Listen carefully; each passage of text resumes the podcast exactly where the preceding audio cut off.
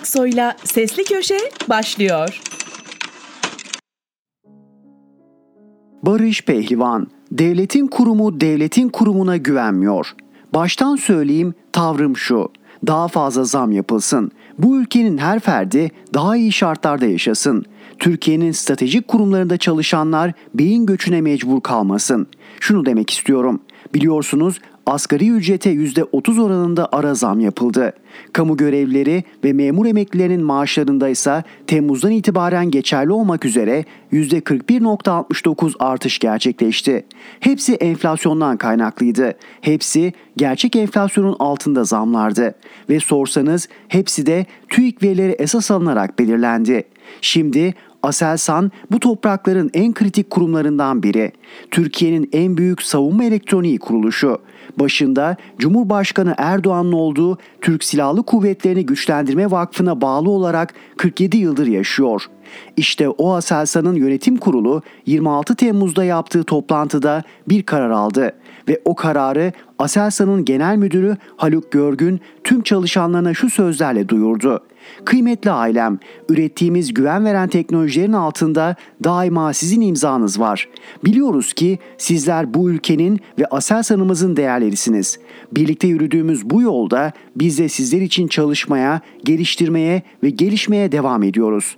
Bu kapsamda Türk Silahlı Kuvvetlerini Güçlendirme Vakfı Yönetim Kurulu'nun Temmuz 2002 ücret artışlarına dair kararı doğrultusunda 26 Temmuz 2022 tarihinde gerçekleştirdiğimiz yönetim kurulu toplantımızda aldığımız kararı sizlerle paylaşmak istiyorum. 2022 yılı ikinci 6 aylık dönemi için 1 Temmuz 2022 tarihi itibarıyla geçerli ücret artış oranını %55 olarak belirledik.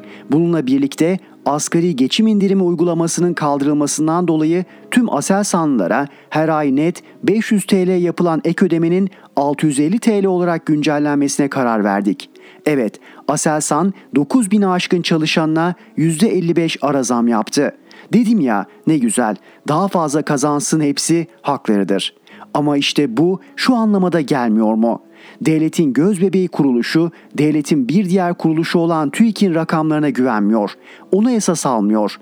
Enflasyonun açıklanandan daha fazla olduğunu biliyor. Tabii bir de şu var. Mesele sadece çalışanları enflasyona ezdirmemek değil. Zira deniyor ki Aselsan'daki birçok mühendis daha iyi şartlarda yaşamak için yurt dışından iş bakıyor. Başarılarının hakkını veren ülkelere gitmek istiyor. İşte biraz da bu yüzden Aselsan yönetimi onlara resmi rakamların üstünde zam yapıyor. Yapıyor ki beyin göçü birazcık da olsa durabilsin. Kurum kan kaybetmesin. Kabinede İBB yarışı. Arka bahçenin sıkı ziyaretçileri bilir. Geçen ay şunu yazdım. Söylenen o ki Erdoğan İstanbul'un başına Adil Kara İsmailoğlu'nu düşünüyor. Ulaştırma Bakanı'nın Marmaray'daki habersiz gibi görünen videosunun da bu amaca yönelik bir çalışma olduğunu belirttim. Kaçtır anlatacağım fırsat olmadı. AKP koridorlarını iyi bilen bir kaynağım aradı ve şöyle dedi. Çevre ve Şehircilik Bakanı Murat Kurum'un da gözü İBB'de. O da İstanbul'u yönetmek istiyor. Tam ağzımdan desene kabinede kavga çıkacak sözü çıkacaktı ki telefondaki ses ekledi.'' Biliyorsun ki hiç yanıltmadım seni. Görürsün ikisi de değil çok sürpriz bir adayı olacak AKP'nin. Erdoğan fikir değiştirecek ve İBB'nin başı için başka bir ismi aday gösterecek. Haliyle sordum o ismi. Size şimdilik söylememem şartıyla fısıldadı. Evet şu an İbre Ulaştırma Bakanı Kara İsmailoğlu'ndan yana. Ama bakalım kaynağımın dediği gibi Erdoğan daha sağlıklı bir ismi düşünecek mi? Barış Pehlivan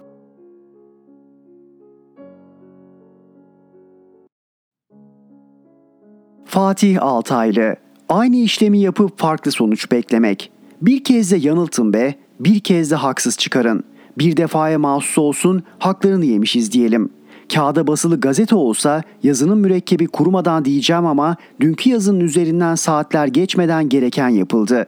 Bu iktidarın tarihinde ilk kez kurumunda bir skandal ortaya çıkan bir bürokrat ışık hızıyla görevden alındı. Ben de dün acaba bir tarikata yakın bir duruşu olsa, yeniden palazlanan bir cemaatin mensubu olsa yine böyle hızla görevden alınır mıydı diye sordum. Yanıtı bizzat iktidar anında verdi. Gidenin yerine hemen birisi atandı. Atanan tam da benim dün söylediğim gibi. Son günlerin popüler tarikatlarından birinin ehli. Tarikat liderine övgüler yağdırmış. İktidar tarafından makbul görülen her türlü sivil toplum kuruluşunun her türlü etkinliğinde yer almış. Yani yine liyakat icraattan değil tarikattan geliyor. Son yıllarda, son 20 yılda hep olduğu gibi. Dün o tarikat veya cemaat, bugün bu tarikat veya cemaat. Biri bitiyor, biri başlıyor. Bittiği zannedilen de aslında bitmiyor, sırasını bekliyor. Dön baba dönüyorlar ama asla ders alınmıyor. Yahu biz böyle yaptığımız için darbelerle karşı karşıya kaldık. Ülkeyi bir cemaat ele geçirip birilerine peşkeş çekecekti.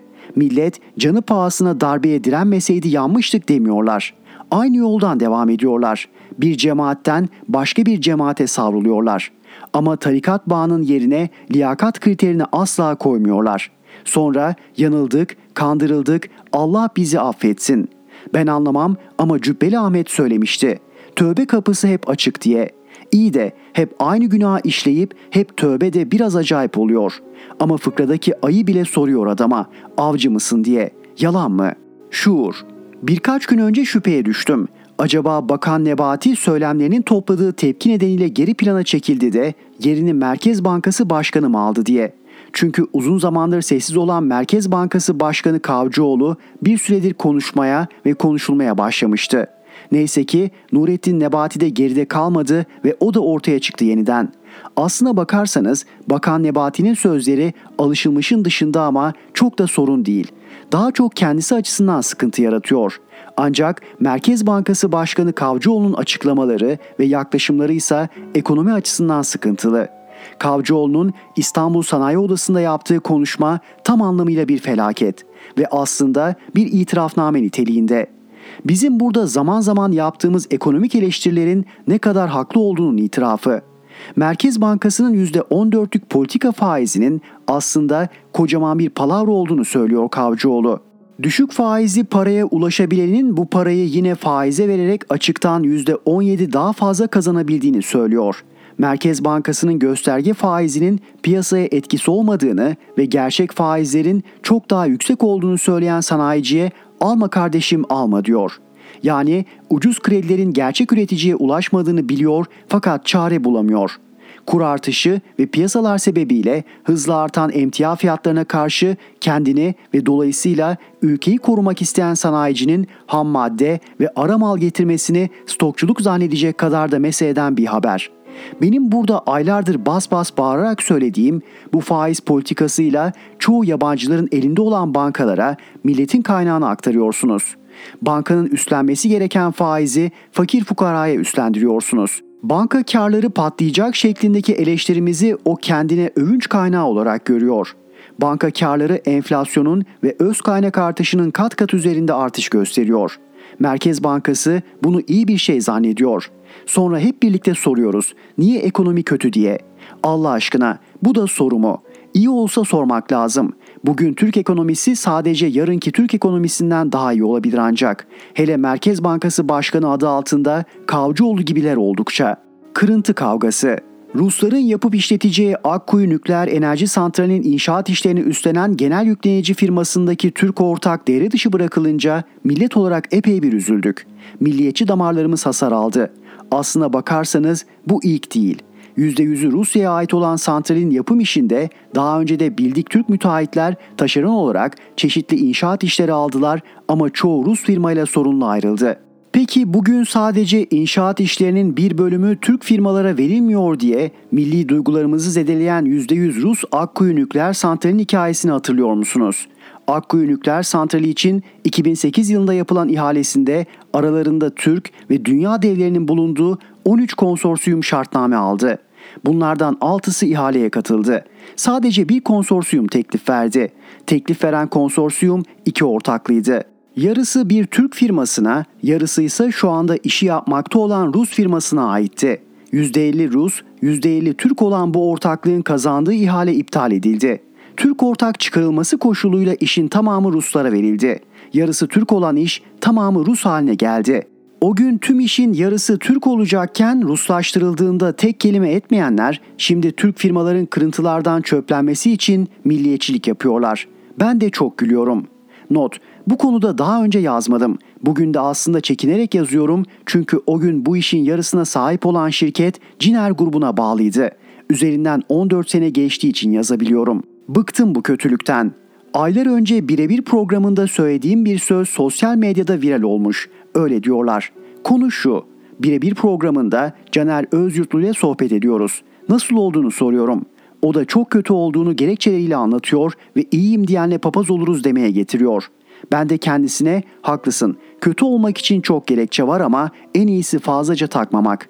Olumsuz düşündükçe her şey daha olumsuza gider. Her şey geçer, bu da geçecek anlamında bir şeyler söylüyorum. Kendimce tavsiyeler veriyorum. Bu köşede yıllardır sıklıkla yazdığım bu da geçer yahuyu anlatıyorum aslında. Caner de buna karşılık takmamak için asgari bir şeylere sahip olmak lazım gibi bir şey söylüyor. Bu sözleri almışlar, telefoncu amcalar gibi konuşuyor diye sosyal medyada dolaştırıyorlar. Ulan beyinsizler, her şey çok iyi, sen niye kötü hissediyorsun mu diyorum.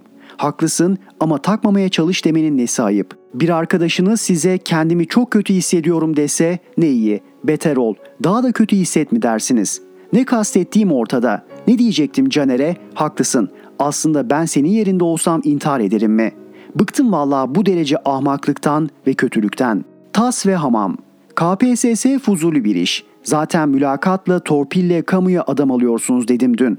Bir örneğini aşağıya alıntıladığım türden yüzlerce mesaj geldi. Buyurun okuyun. Fatih Bey merhaba. 2014 yılında KPSS'ye girmiş, o tarihte iyi bir puan alarak atanamamış ve şu an 35 yaşının yarısını yemiş bir kişiyim. O tarihte girdiğimiz sınavda özellikle tarih bölümünde tam olarak adını hatırlayamadığım bir kaynaktan en az birebir olacak şekilde 5-6 soru vardı.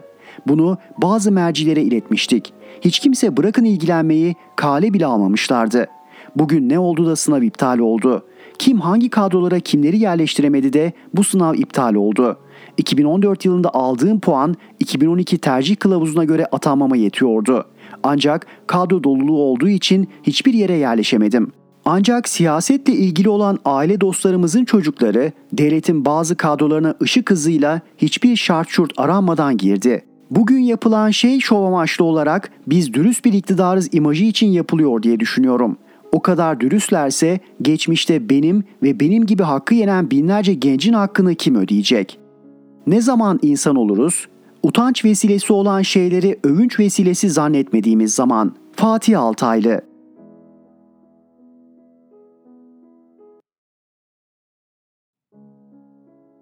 İsmail Saymaz, yargı yangından koy kaçırmaya dur dedi. Kızılkum'un başına gelen cümlenin tam anlamıyla yangından mal kaçırmaktı. Hatta koy kaçırmak, orman kaçırmak.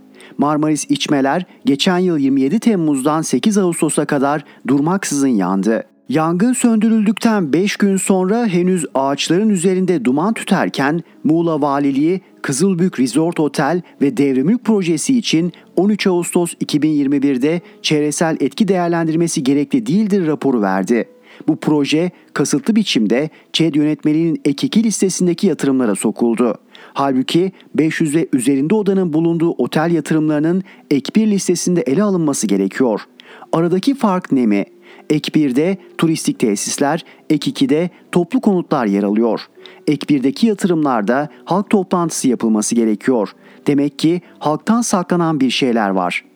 Acıdır ki CHP'li Marmaris Belediyesi projeye ruhsat ve imar izni verdi. Marmaris Milli Parkı'nda kalan koyda Simpaş Gayrimenkul Yatırım Ortaklığı'nın hazırladığı proje tanıtım dosyasına göre 205 odalı 5 yıldızlı bir otel ve 1407 devremülk yapımı planlanıyor. Devremülklerde 67.536 devre olması hesaplanıyor. Yararlanma hakkı 15 günden 7 güne çekildi yatırımcının azami karı için koyun kaldıramayacağı yoğunluk yaratıldı. Marmaris Kent Konseyi ÇED gerekli değil raporunun iptali için Muğla 3. İdare Mahkemesi'nde iptal davası açtı. Bilirkişi raporunda doğada ve ekosistemde ciddi tahribatın meydana geldiği saptadı. Simpaş, şantiyeye 1 kilometre mesafedeki milli park içinde demir kapı koydu. Giriş kapısına jiletli tel örüldü. Simpaş tabelası yerine Marmaris Milli Park Müdürlüğü'nün tabelası kondu. Bu tabelada Marmaris Orman Yangınlarıyla Mücadele Komisyonu'nun aldığı karara göre ormana girilmesinin yasaklandığı yazıldı. Oysa yasaklı mıntıkalar arasında bu bölge yoktu. İçeriye kamyonlar sokulurken çevreciler ve sendikacılar alınmadı. Muğla 3. İdare Mahkemesi ÇED gerekli değil kararını iptal etti.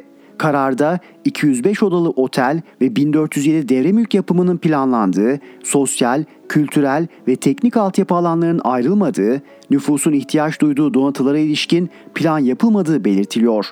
Turistik amaçlı tesis oluşturulduğu, otelle devre mülkün birlikte değerlendirilmesi gerektiği anlatılıyor. Her devre mülk tek oda şeklinde tanımlandığında oda sayısının 1612 olduğu vurgulanıyor. Ayrıca şu tespitler yapıldı.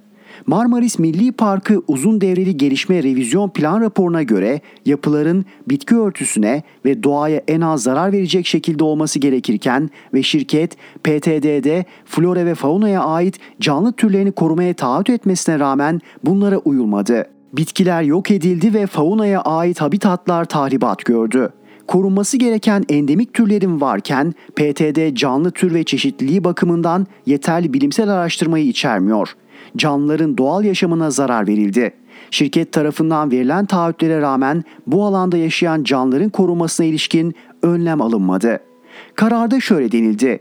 Bu durumun biyolojik ve çevresel değerler ekolojik dengenin tahribine, bozulmasına ve yok olmasına neden olacağı, proje alanı Marmaris Milli Park içinde yer almakta olduğu, bu nedenle Marmaris Milli Parkı uzun devreli gelişme revizyon plan raporu hükümlerine uymak mecburiyetinde olduğu, ÇED gerekli değildir belgesine müstenit olan PTD'de Doğa Koruma ve Milli Parklar Genel Müdürlüğü'nün uygun görüşünün bulunmadığı, ÇED gerekli değildir konusunda kıyı kenar çizgisi ve kısmen de olsa denize yapılan dolgu dikkate alındığında konunun değerlendirilmesi ve denizel ekosistem üzerinde oluşturulabilecek etkinin tekrar ele alınması gerekliliği bulundu.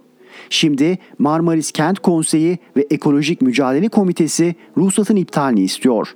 Bu arada tesadüf müdür bilinmez 1 Ağustos günü Simpaş'ın patronu Avni Çelik'e ait Tavira Securities nezdindeki 500 milyon TL değerinde olan 85 milyon 891 bin 620 paylık hisse senedinin Çelik'ten habersizce satıldığı iddia edildi. Acaba bu satışın mahkeme kararını önceden öğrenmekle bir ilgisi var mı?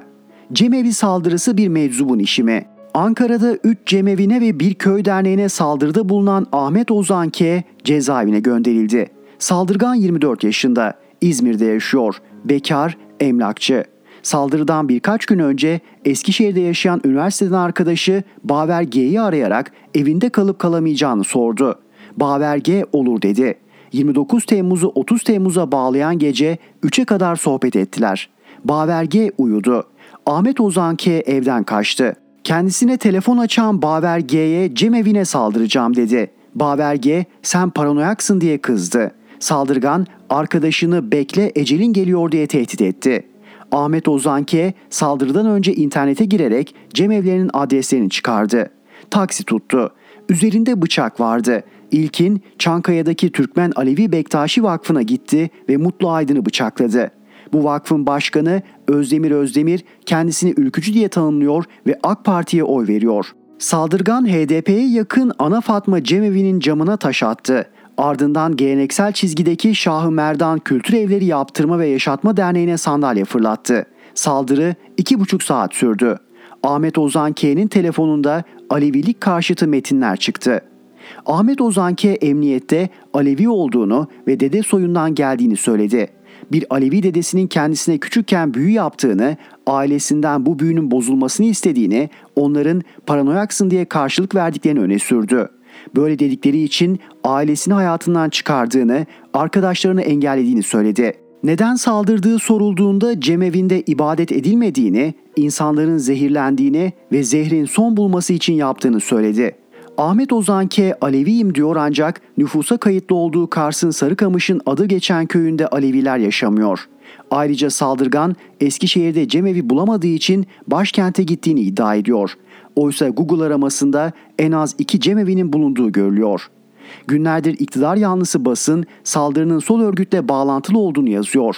Dayanak olarak Ahmet Ozan K'nin arkadaşları Çağdaş Can B ve Baver G gösteriliyor. Meğer bu iki kişi bizzat giderek emniyete kendileri teslim olmuş. Dosyada telefonla gelen bir ihbar var. İsimsiz ihbarda Çağdaş Can Bey'in devrimci gençlik derneklerinin bünyesinde faaliyet gösterdiği iddia ediliyor. İhbarın gönderilme tarihi 1 Ağustos, saat 1.35. İhbarda Çağdaş Can Bey için şu an emniyet bünyesinde olan ifadesi kullanılıyor.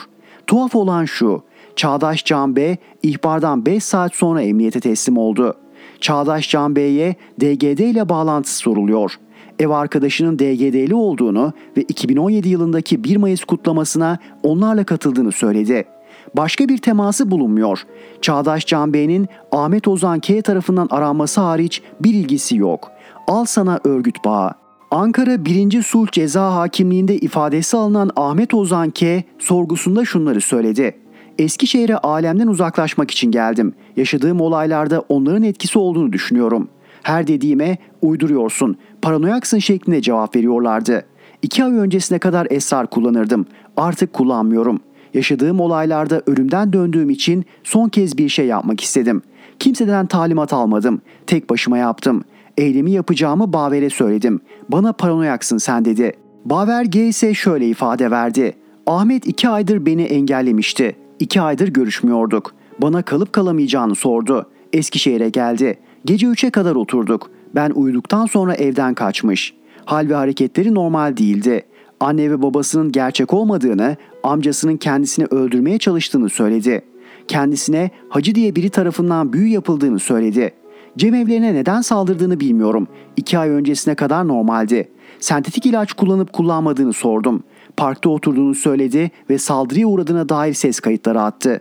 Uyandığımda bana attığı mesajları gördüm. Aradığımda beni tehdit etti. Kendisine sen kendinde değilsin diye yanıtlar verdim. Bana bekle ecelin geliyor şeklinde mesajlar attı. Eylemle alakam yoktur. Çağdaş Can Bey ise saldırganla aylardır bir bağının olmadığını, siyasi bir düşünce ve eyleminin bulunmadığını söyledi. Ahmet Ozanke halkı kim ve düşmanlığa tahrik, ibadethanelere ve mezarlıklara zarar vermek ve inanç hürriyetinin kullanılmasını engellemekten tutuklandı. İki şüpheli evi terk etmeme tedbiriyle serbest bırakıldı.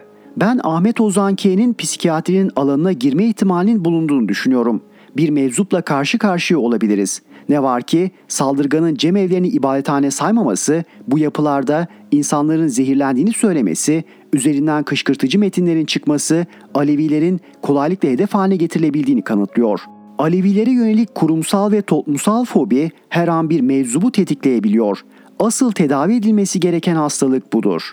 Kılıçdaroğlu cumartesi anneleriyle de helalleşecek. CHP lideri Kılıçdaroğlu dün Şırnak'ın Uludere ilçesindeydi.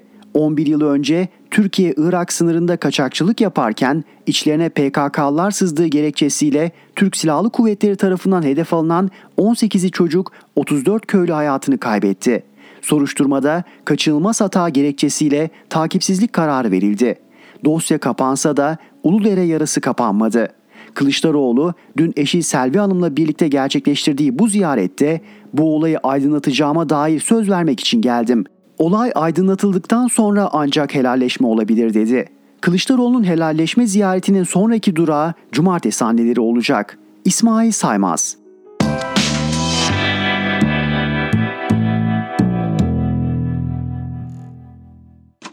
Erhan Gökayaksoy'la Sesli Köşe devam ediyor. Mehmet Tezkan, 80'lik enflasyon hayırlı oldu. Yatıp kalkıp dua edelim. Türkiye'ye özgür rejimin tek adam yönetiminin ne menen bir şey olduğunu çabuk öğrendik. 2017 yılında referandumla rejimi değiştirmenin bedelini hayat pahalılığıyla ödedik. Ama yine de şükür. Geçen yıl Erdoğan piyasaya müdahale edip enflasyonu azdırmasaydı bu rejim kalıcı hale gelebilirdi. Çok uzun yıllar tek adamla yönetilirdi. Çok daha ağır bedeller ödeyebilirdik. İyi ki enflasyon %80 oldu demem bundan. Yüksek enflasyonun tek sebebi rejim, tek adamın kararı. Ortak aklın dolaba kaldırılıp üzerine kilit vurulması, kurumların işlevini yitirmesi, kuvvetler ayrılığından kuvvetler birliğine geçilmesi, medyanın kair ekseriyetinin iktidar organı haline dönüştürülmesi. Dün Halk TV'deki Neden Sonuç programında yayınladık. Kaçıran YouTube'a müracaat edebilir. Geçen yıl bu zamanlar Erdoğan bir grup gazetecinin sorularını yanıtlarken faizleri indireceklerini, böylece enflasyonun da ineceğini söyledi ve anında uygulamaya koydu. Çünkü karşısında hayır bu yanlış olur diyecek kimse yoktu. Erdoğan'a direnecek ne Merkez Bankası vardı ne para kurulu. İsmen varlardı ama yeni rejim onları yetkisiz kılmıştı. Yeni rejim onların içini boşaltmıştı. Ekonomistler bedel ağır olacak dedi, tek adam dinlemedi. Gerçekten bedeli ağır oldu. Bir parantez açmama müsaade edin. Erdoğan yine aynı gazetecileri karşısına oturtarak canlı yayına çıkar mı? O gazeteciler geçen yıl söylediklerini ekrana getirip soru sorabilir mi? Erdoğan o gazetecilerle yine yayına çıkar ama o gazeteciler efendim geçen yıl böyle olacak demiştiniz tam tersi oldu diye soru soramaz. Çünkü istenmeyen sorular sormak rejimin doğasına aykırı. Parantezi kapattım. Bakın tek adam rejimine geçmeden önce peynir, domates, salatalık veya peynir karpuz özellikle inşaat işçilerinin klasik öğle yemeğiydi. Şimdi lüks oldu. Domates ülkesinde insanlar domates alamaz hale geldi. Kiraz ülkesinde kiraz seyirlik oldu. Eskiden menemen dar gelirli ailelerin akşam yemeğiydi.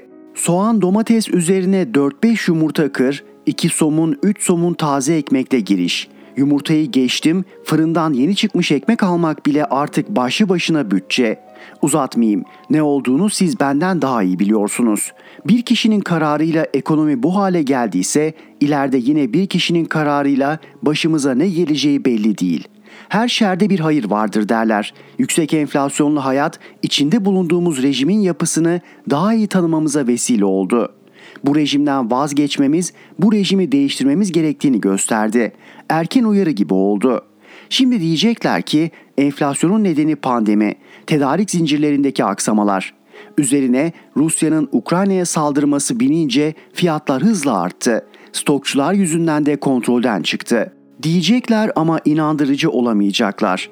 Ülkesinin bir bölümü işgal altındaki Ukrayna'da enflasyon %21,5, Rusya'da %15,5, Avrupa'da %8, ABD'de %9,5. Seçim 2017 yılındaki referandumun sağlaması olacak. Seçmen bu rejimle devam mı tamam mı diye oy verecek. 2017'de getirilmek istenen rejimin nasıl bir şey olduğunu kimse bilmiyordu. Kimseye söylenmemişti. Şimdi herkes yaşayarak gördü. Yüksek enflasyondan beslenenler enflasyon zenginleri devam diyecektir. Peki ya daha da yoksullaşanlar ne diyecek? Ben diyorum ki %80 enflasyon iyi oldu. Mehmet Tezkan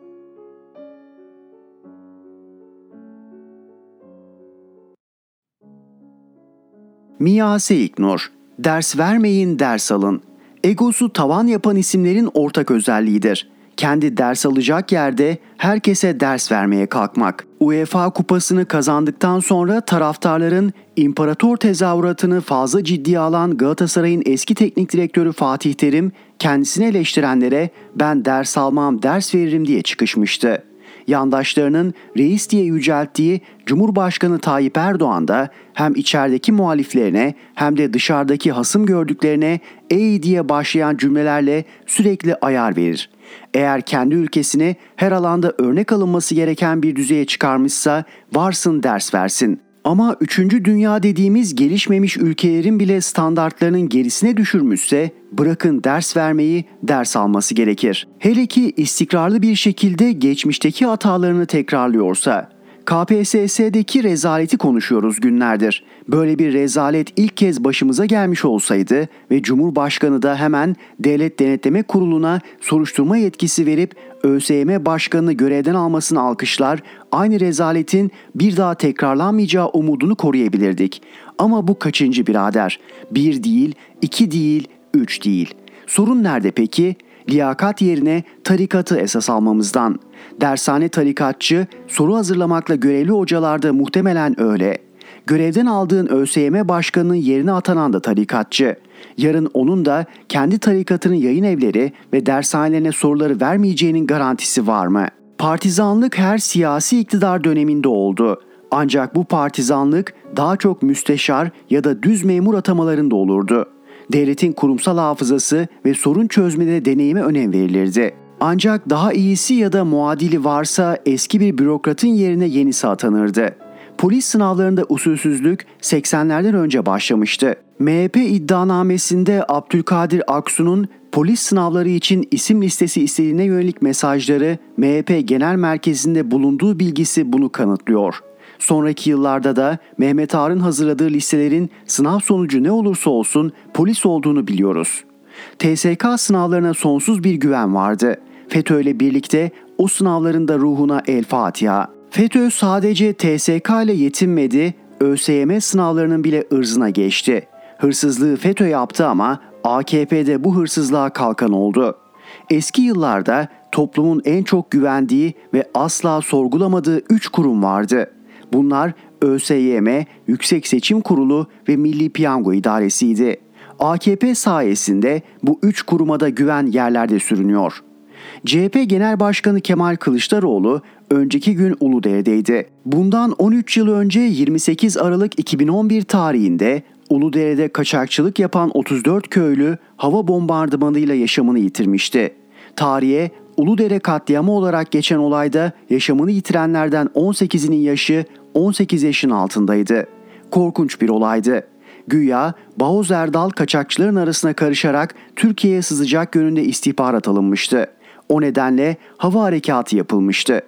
Bağoz Erdal'ı ortadan kaldırmak için 34 köylünün yaşamını hiçe saymak nasıl bir mantık? Nasıl bir mantık olduğunu Anayasa Mahkemesi'ne yapılan ailelerin başvurusu üzerine Adalet Bakanlığı'nın mahkemeye gönderdiği yazılı savunmasından anlıyoruz.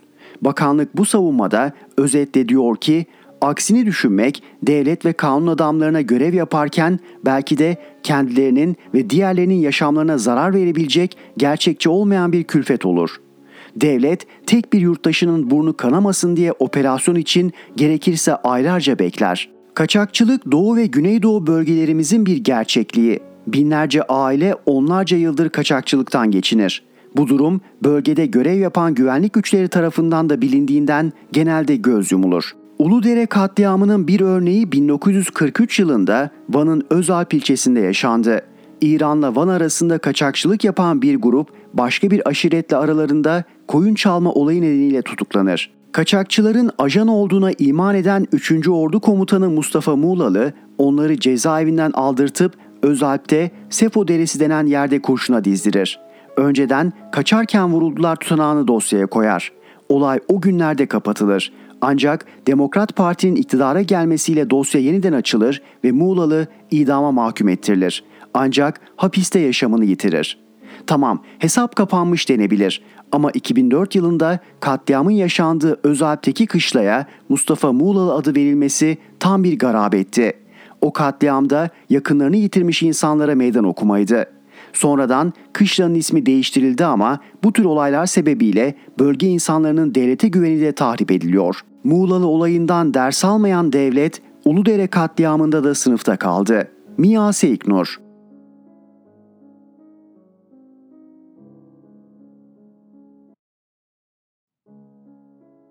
Murat Ağırel Osmaniye'de yaşanan olay normal mi?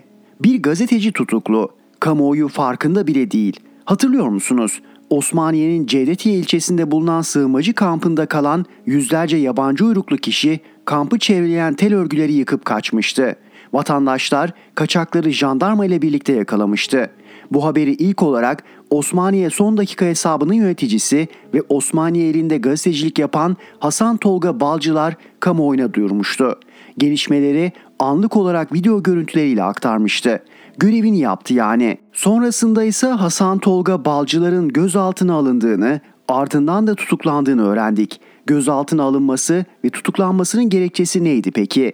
Halkı kim ve düşmanlığa sevk etmekten.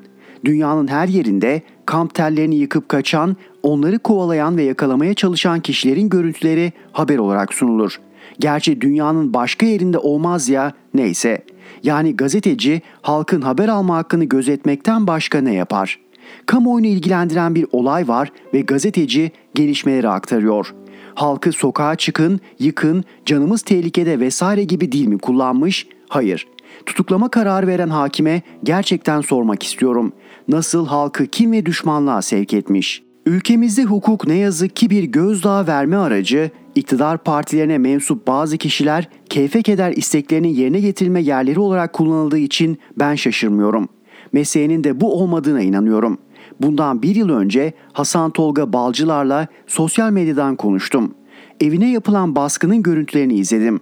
Durumun ayrıntılarını öğrenmek istedim. Hasan Tolga Balcılar şunları söyledi. Osmaniye Belediye Başkanı ve başkana yakın bir takım kişilerin yapısını çözüp haber yaptım. Bu kişilerin usulsüzlüklerini belgeleyip haber yaptım. Osmaniye Emniyet Müdürü'yle de bağını buldum. Evim jandarma bölgesinde olmasına rağmen 3 ekip aracı arama kararı olmadan evime geldiler ve arama yapmak istediler. Bahçede karşıladım. Evime davet ettim. Arama kararını sordum, göstermediler. Avukatımın ve şahidin gelmesini bekleyin dedim, beklemediler. Eşim olanları kaydetti, onu da zorla sildiler ve hakkımda polise mukavemet ve görevini yaptırmamak suçlamasıyla gözaltı yapmak istediler. Sonrasında tehditler aldım. Bu daha başlangıç vesaire gibisinden. Duyumlar alıyorum. Beni öldürürler, konuşmak istemiyorum. Valilik daha sonra olayla ilgili şu açıklamayı yaptı. 26 Mayıs 2021 tarihinde Osmaniye Emniyet Müdürlüğü e-posta adresine HTB'nin akrabası olan FETÖ firarisi bir askeri personeli evinde sakladığı yönünde ihbarda bulunulması üzerine şahsın evinde Cumhuriyet Savcısının talimatıyla arama yapılmıştır. Arama sırasında söz konusu şahıs görevlerimize mukavemette bulunmuş ve bunun üzerine yine Cumhuriyet Savcısının talimatıyla gözaltına alınarak Jandarma Karakol Komutanlığı'na teslim edilmiştir. Ne güzel değil mi? Dahası da var. Ben kendisine tüm yolsuzluklara ait belgeleri göndermesini, benim bunları araştırıp yazacağımı bildirdim. Savcılığa yaptığı suç duyurusundan asıl rahatsızlık verdiği mevzuyu öğrendim. Kendisi suç duyurusunda verdiği bilgi aynen şöyle. 19 Mayıs 2021 tarihinde geçmişte Masal Park, Şehitler Anıtı, Bayrak ve benzeri projeleri ihalesiz 21B pazarlık usulüne göre yapan, şehrimizde yaptığı işler şaibelerle anılan Outdoor Factory isimli şirketin belediye binası karşısında yapımına devam ettiği evveliyatı peyzaj mühendisi Resul Dağdelen tarafından 300-400 bin TL gibi rakama planlanmış ancak belediye meclis üyelerinin ifadelerine göre 12,5 milyon TL bütçe ayrılmış olan beton parkı incelemek ve fotoğraflamak için şantiye alanına gittim. Şantiye alanına girmeden dışarıdan park alanının fotoğrafını çektim. Proje müdürünün olduğu bölgeye proje hakkında detaylı bilgi almak için gittim. Şantiye şefi olarak gösteren ismini bilmediğim şahıs yerinden kalkmadı ve proje hakkında bilgi veremeyeceğini, proje müdüründen bilgi almam gerektiğini söyleyerek Ümit Ünal'ı çağırdı. Ümit Ünal konteynere beni çağırdı. Ben güvenlik endişesiyle konteynere girmedim.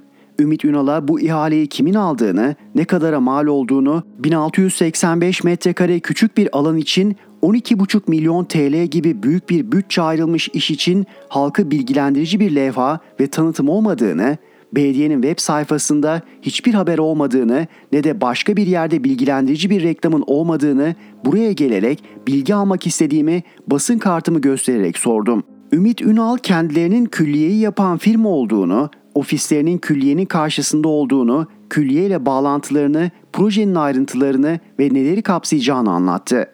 Proje maliyeti ve ihale usulleri hakkında sorular sorduğumda ise bu konu hakkında belediye yetkilisi AML'nin bilgisi olduğunu, bu hususlara değinmeyeceğini bildirdi. Proje hakkında haber yaptığımda AML ve çevresi tarafından yoğun tehdit ve hakaretlerine maruz kaldım. Bunun bir kısmını kayıt altına aldım, koruma talebinde bulundum.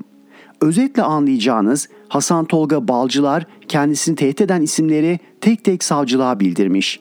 Yani bir gazeteci halkın haber alma hakkını gözettiği, halkın parasının nereye nasıl harcandığını haber yaptığı için Balcılar'ın iddiasına göre o ilin belediye başkanı, belediye görevlisi, emniyet müdürü, ihaleye alan firmanın yetkilileri MHP'li yöneticiler tarafından tehdit edilmiş. Suç duyurularında bunlar yazıyor. Adalet Bakanı ve İçişleri Bakanı isteseler konuyu dakikalar içerisinde ortaya çıkarır. Sorun şu, isterler mi? Merak ediyorum intikam mı alınıyor? Murat Ağırel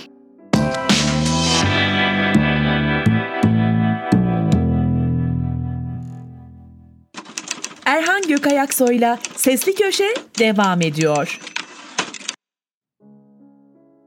Müyesser Yıldız Evet ibret ama adil yargılama yapmamanın ibreti. 13 ay önce Yargıtay 28 Şubat davasında 14 isme verilen müebbet hapis cezasını onadığında görüşünü almak için Çevik biri aradım. Daha ilk cümlelerinde ciddi hafıza sorunu yaşadığını anlayınca konuşmayı uzatmadım. Çevik birin bu durumunu yazmadım ama sözcüden saygı Öztürk olduğu gibi aktardı. Yani birin demans olduğu daha cezaevine girmeden belliydi, biz bile fark etmiştik. Ama neler oldu? Avukatı savcılığa Çevik Bir'in sağlık raporunu sunup infaz erteleme talebinde bulundu. Doğal olarak kendisinin adli tıp kurumuna sevki yapıldı. İşte bu sevk bile birilerini kızdırmaya yetti. 28 Şubat'ın kudretli şovmenleri adli tıpta. 28 Şubatçılar rapor peşinde. 28 Şubatçıların oyalama taktiği sürüyor ifadeleri kullanıldı. Hukuku çiğnetme adli tıp başlığı altında ise şunlar yazıldı. 28 Şubat darbecilerin bunama iddiasıyla adli tıp kurumuna sevk edilmesine tepki gösteren hukukçular darbecilerin oyununa gelmeyin, hukuku çiğnetmeyin çağrısında bulundu. Kimdi bu çağrıyı yapan hukukçular? Birisi davanın müdahalelerinden avukat Cüneyt Toraman'dı. Doktorlar inşallah görevlerini suistimal etmezler. Sanıkların hepsinin aynı anda hastalanması normal bir durum değil. İnşallah verilecek karar adaleti lekelemez. Raporla serbest bırakmak darbecilere cesaret verir dedi. Diğer isim Hakder Başkanı Avukat Bülent Demir'di.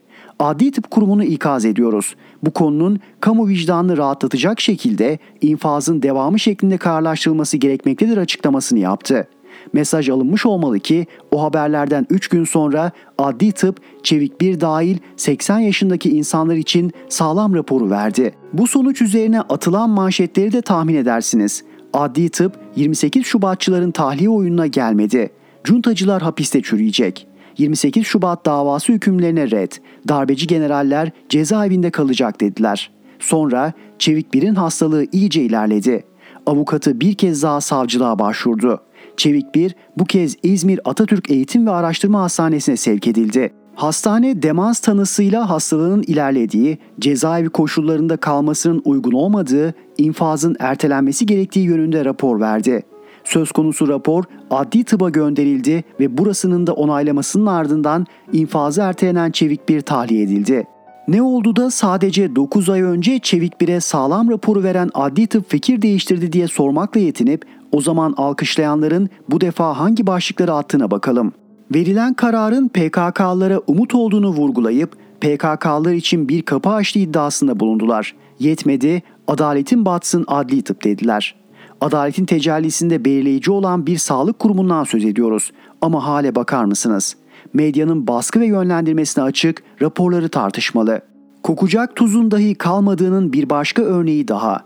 Bu sorunun yol açtığı mağduriyetler hangi noktalara ulaştıysa nihayet Adalet Bakanı Bekir Bozdağ 15 gün önce Kars Açık Cezaevinde kurulan Et Entegre tesislerinin açılışında Türkiye ceza infaz sisteminin en modern ceza infaz sistemi olduğunu, cezaevlerinde işkence ve kötü muamele bulunmadığını anlattıktan sonra şu müjdeyi verdi.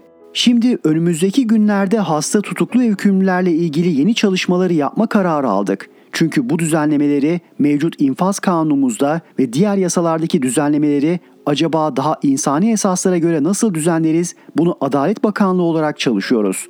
Cezaevinde hastalığı sebebiyle kalamayacak durumda olanlarla ilgili şimdi bir düzenlememiz var. Ama bu düzenlemenin işleyişinde de sıkıntılar olduğunu çok yakından görüyoruz. O yüzden bu sıkıntıları tamamen kaldıracak, hiç olmazsa minimize edecek bir adımı atma konusunda da kararlıyız.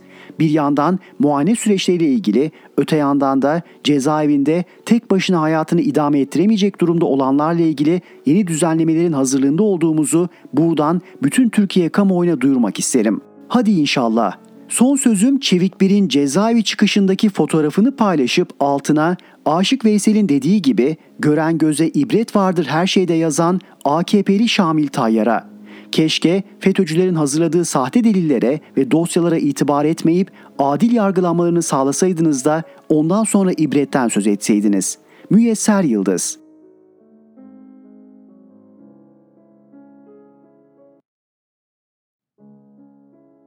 Türker Ertürk Tayvan provokasyonu ve stratejik sabır ABD geçtiğimiz hafta sonu Afganistan'ın başkenti Kabil'de bir evin balkonunda yakaladığı El-Kaide lideri Eymen el-Zevahiri'yi MQ-9 Reaper tipi insansız hava aracından atılan iki adet Hellfire füzesiyle öldürdü. Başına 25 milyon dolarlık ödül konan ve 2011'den beri adeta görünmez halde olan Zevahiri'nin öldürülmesi 8 Kasım 2022'deki ara seçimler öncesinde Biden açısından başarılı bir iç politika hamlesiydi.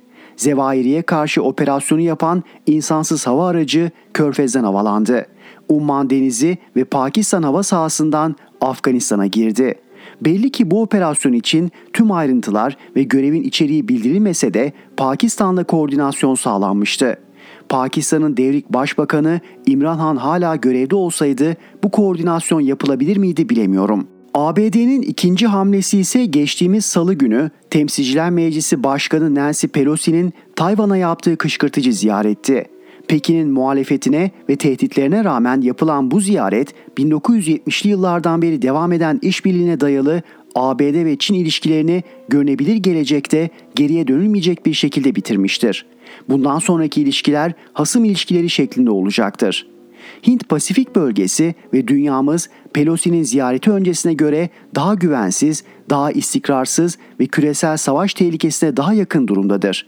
Bu ziyaret aynı zamanda halen içinde bulunduğumuz ikinci Soğuk Savaş'ın vites değiştirerek tırmanmasına neden olacaktır. Bununla birlikte bu ziyaret ve sonrasındaki gelişmeler Çin ve Rusya'yı birbirine daha da yaklaştıracak, ilişkilerinin kader birliğine doğru evrilmesine ve dünyadaki kutuplaşmanın daha da artmasına sebep olacaktır.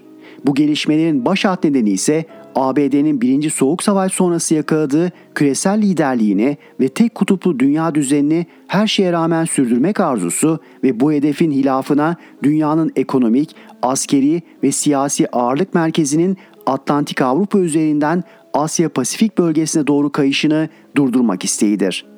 Halen içinde yaşadığımız ikinci Soğuk Savaş, birinci Soğuk Savaş'a nazaran daha sert, yaygınlık açısından daha küresel, vekalet savaşları açısından daha sıcak, küresel ve nükleer savaş tehdidi açısından daha tehlikeli olacaktır. Birinci Soğuk Savaş'ta Sovyetler Birliği ABD liderliğindeki Batı için ne ekonomik olarak ne de askeri olarak rakip veya tehditti. Esasında Sovyetler Birliği sadece ideolojik olarak bir tehditti. Ama bugün Çin ekonomik açıdan olduğu kadar başta deniz gücü olmak üzere her geçen gün artan askeri gücüyle ABD için çok ciddi rakip ve onun küresel liderliğine meydan okuyan bir tehdittir. Birinci Soğuk Savaş'ta Çin Sovyetler Birliği'nin yanında değildi. Bu yan yana olamayış Sovyetler Birliği ve Çin Halk Cumhuriyeti arasındaki teorik, ideolojik tartışmanın ve sınır problemlerinin yanında ABD Başkanı Richard Nixon ve Ulusal Güvenlik Danışmanı Henry Kissinger'ın Çin'i Sovyetler Birliği'ne karşı kazanabilmek ve kontrol edebilmek için 1972'den itibaren yaptıkları jeopolitik hamlelerin ürünüydü. Bunun sonucunda ABD Tayvan'la ilişkisini kesmeyi, bu ülkeden askerlerini çekmeyi ve Tayvan'ı Çin'in egemenliği ve toprak bütünlüğü içinde gören tek Çin politikasını kabul ve taahhüt etti. Şimdi de küresel stratejik hedefleri için verdiği bu sözden vazgeçiyor. Aynen birinci Soğuk Savaş bitirilirken NATO'yu doğuya doğru bir santimetre bile genişletmeyeceğine dair verdiği sözden vazgeçmesi gibi. ABD zaten 5 yıldır Tayvan'a silah satışlarını artırarak, bölgedeki askeri faaliyetlerini yoğunlaştırarak ve ABD'li politikacıların ziyaretleri aracılığıyla verdiği diplomatik destek sayesinde Çin'le yaptığı anlaşmaları ihlal ediyordu. Pelosi'nin ziyaretiyle aslında sadece çıta yükseltildi. ABD'nin küresel stratejik hedefleri için Çin'e karşı politika değişikliğinin ilk belirgin hamlesi Obama döneminde başladı. Trump döneminde Çin'e karşı her alanda sert politikalar izlendi ve Biden da bundan aşağı kalamazdı. Yani Çin işinin arkasında ABD'nin devlet aklı vardı. Pelosi'nin ziyareti öncesinde Biden'ın askeri yetkililer şu anda bu ziyaretin iyi fikir olmadığını düşünüyorlar açıklaması Çin'in tepkilerini dizginlemeye yönelik açıklamalardı. Hatta Ulusal Güvenlik Danışmanı Jake Sullivan'ın da ziyarete karşı çıktığı açıklamaları bu kapsamdaydı. Bu açıklamalarla Çin'de bu işin arkasında devlet aklı yok, Pelosi'nin kişisel tercihleri, inadı ve iç politika dinamikleri var algısı yaratılmaya çalışıldı. Madem askerler yani Pentagon ve güvenlik danışmanların bu ziyaretin tehlikeli olduğunu söylüyor, o halde engelle. Buna Anadolu'da istemem ama yan cebime koy derler. Pelosi ziyareti sonuçları itibarıyla Çin için biraz aşağılayıcı olmuştur.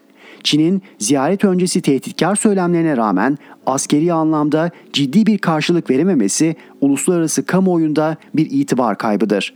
Bu sonuç ABD ve müttefiklerinin Hint-Pasifik bölgesinde daha cesur adımlar atmasına zemin hazırlayacaktır.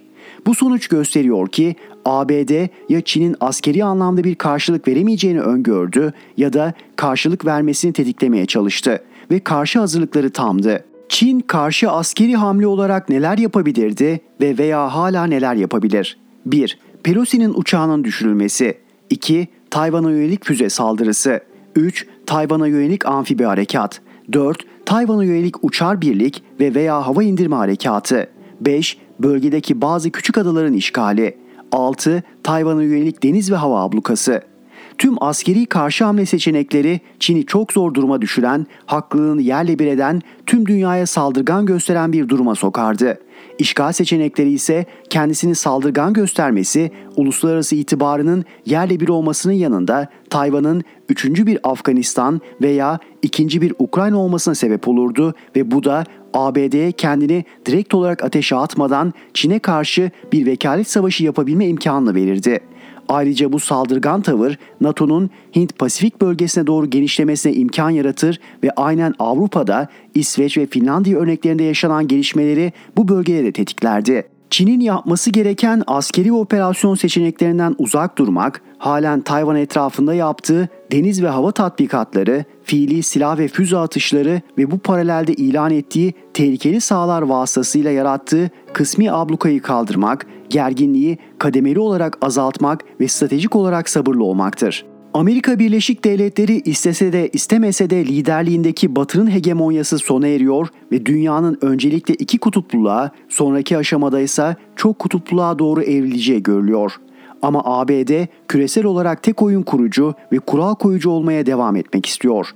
Savaşa ve istikrarsızlıklara ihtiyacı olan ve kendi çıkarları aleyhine olan evrilmeyi durdurup tersine çevirmek isteyen ABD'dir.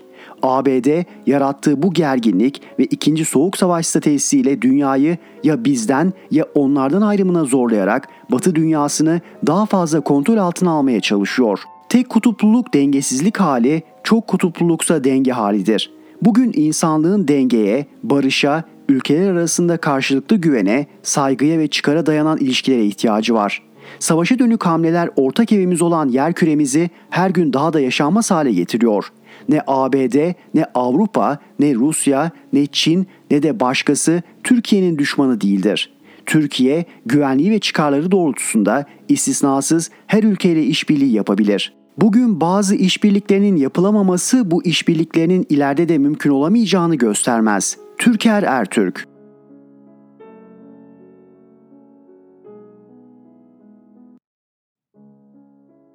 Zeynep Gürcanlı Nükleer mesele Türkiye'nin gündemi hep kalabalık. Ekonomik kriz, terörle mücadele ve sınır ötesi operasyonlar, çalınan sınav soruları, işsizlik filan derken nükleer enerji konusu pek tartışılmadı.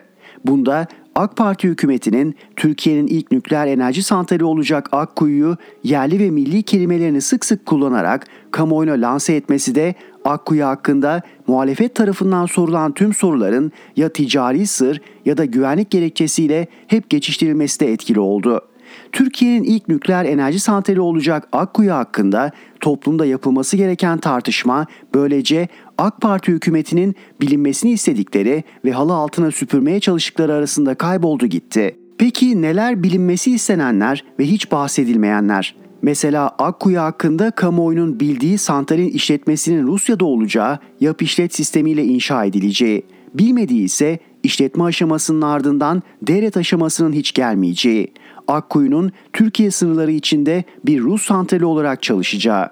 Yine kamuoyuna açıklanan bir başka bilgi yerli ve milli kısımla ilgili. Santralin inşaatını bir Türk şirketi yapıyordu. Hiç konuşulmayansa Türk unsurunun sadece inşaatla sınırlı olduğu, işletme konusunun tümünün Ruslara ait olduğuydu. Şimdi inşaatı yapan Türk şirkette devre dışı bırakılınca işletmenin yanı sıra inşaat konusu da Rusya'ya geçmiş oldu. Santralin maliyetinin yaklaşık 20 milyar dolar olacağı da biliniyor. Bunu Ruslar karşılayacak. karşılığında en az 60 yıl boyunca Türkiye'ye elektrik satacaklar.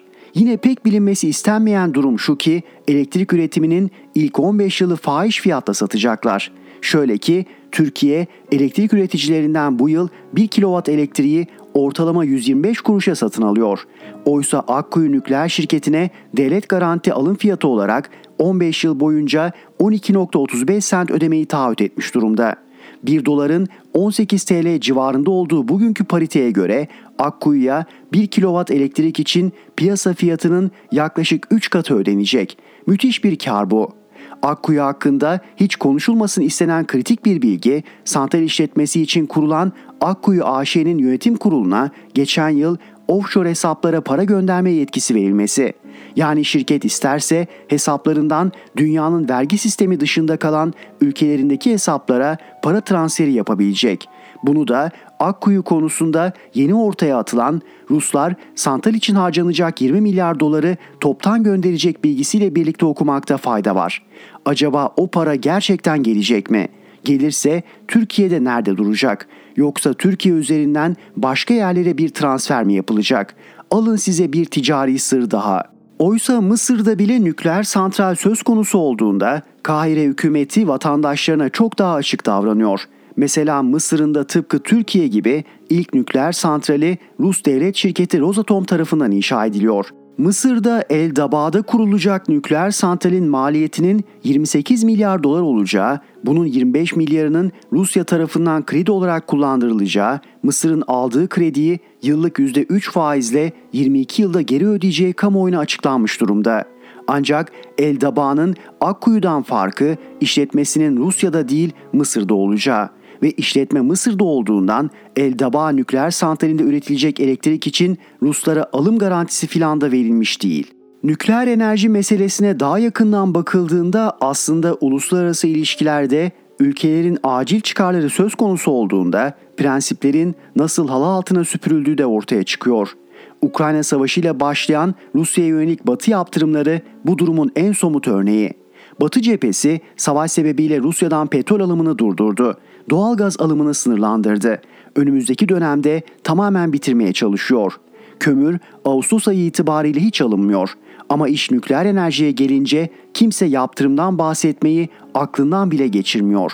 Bunda Rus devletinin nükleer enerji şirketi Rosatom'un ABD ve Avrupa'nın en büyük nükleer yakıt ya da yakıt üretiminde kullanılan nükleer madde tedarikçisi olması etkili. Dünyada 32 ülke halen nükleer yakıtın Rosatom'dan satın alıyor. Türkiye ve Mısır'da santraller bittiğinde bu sayıya eklenecekler. Kolombiya Üniversitesi Küresel Enerji Politikaları Merkezi'nin Mayıs ayında yayınladığı 2021 verilerini içeren rapora göre Avrupa yakıt üretiminde kullandığı uranyumun %20'sini Rusya'dan alıyor. ABD kullandığı uranyumun %16'sını bizzat Rusya'dan, %30 kadarını da Rusya'ya siyasi olarak yakın duran ülkeler Kazakistan ve Özbekistan'dan alıyor. Rapor dünyada bulunan toplam 439 nükleer reaktörün 38 tanesinin Rusya'da olduğunun, 42 tanesi Rus nükleer reaktör teknolojisi kullanarak inşa edilmiş durumda ve 15 tanesi de yine Rus teknolojisi kullanarak inşa edilmekte olduğunun da altını çiziyor. Avrupa Birliği'nin enerji ihtiyacı sıkıntısı o kadar kritik düzeyde ki AB zirve toplantısında oylama yapılıp nükleer enerjinin yeşil enerji olduğuna bile karar verildi. Kısacası iş nükleer enerjiye geldiğinde hem dünyada hem de Türkiye'de kurallar, prensipler eriyip gidiyor, kala kala ortada hamasi nutuklar kalıyor. Zeynep Gürcanlı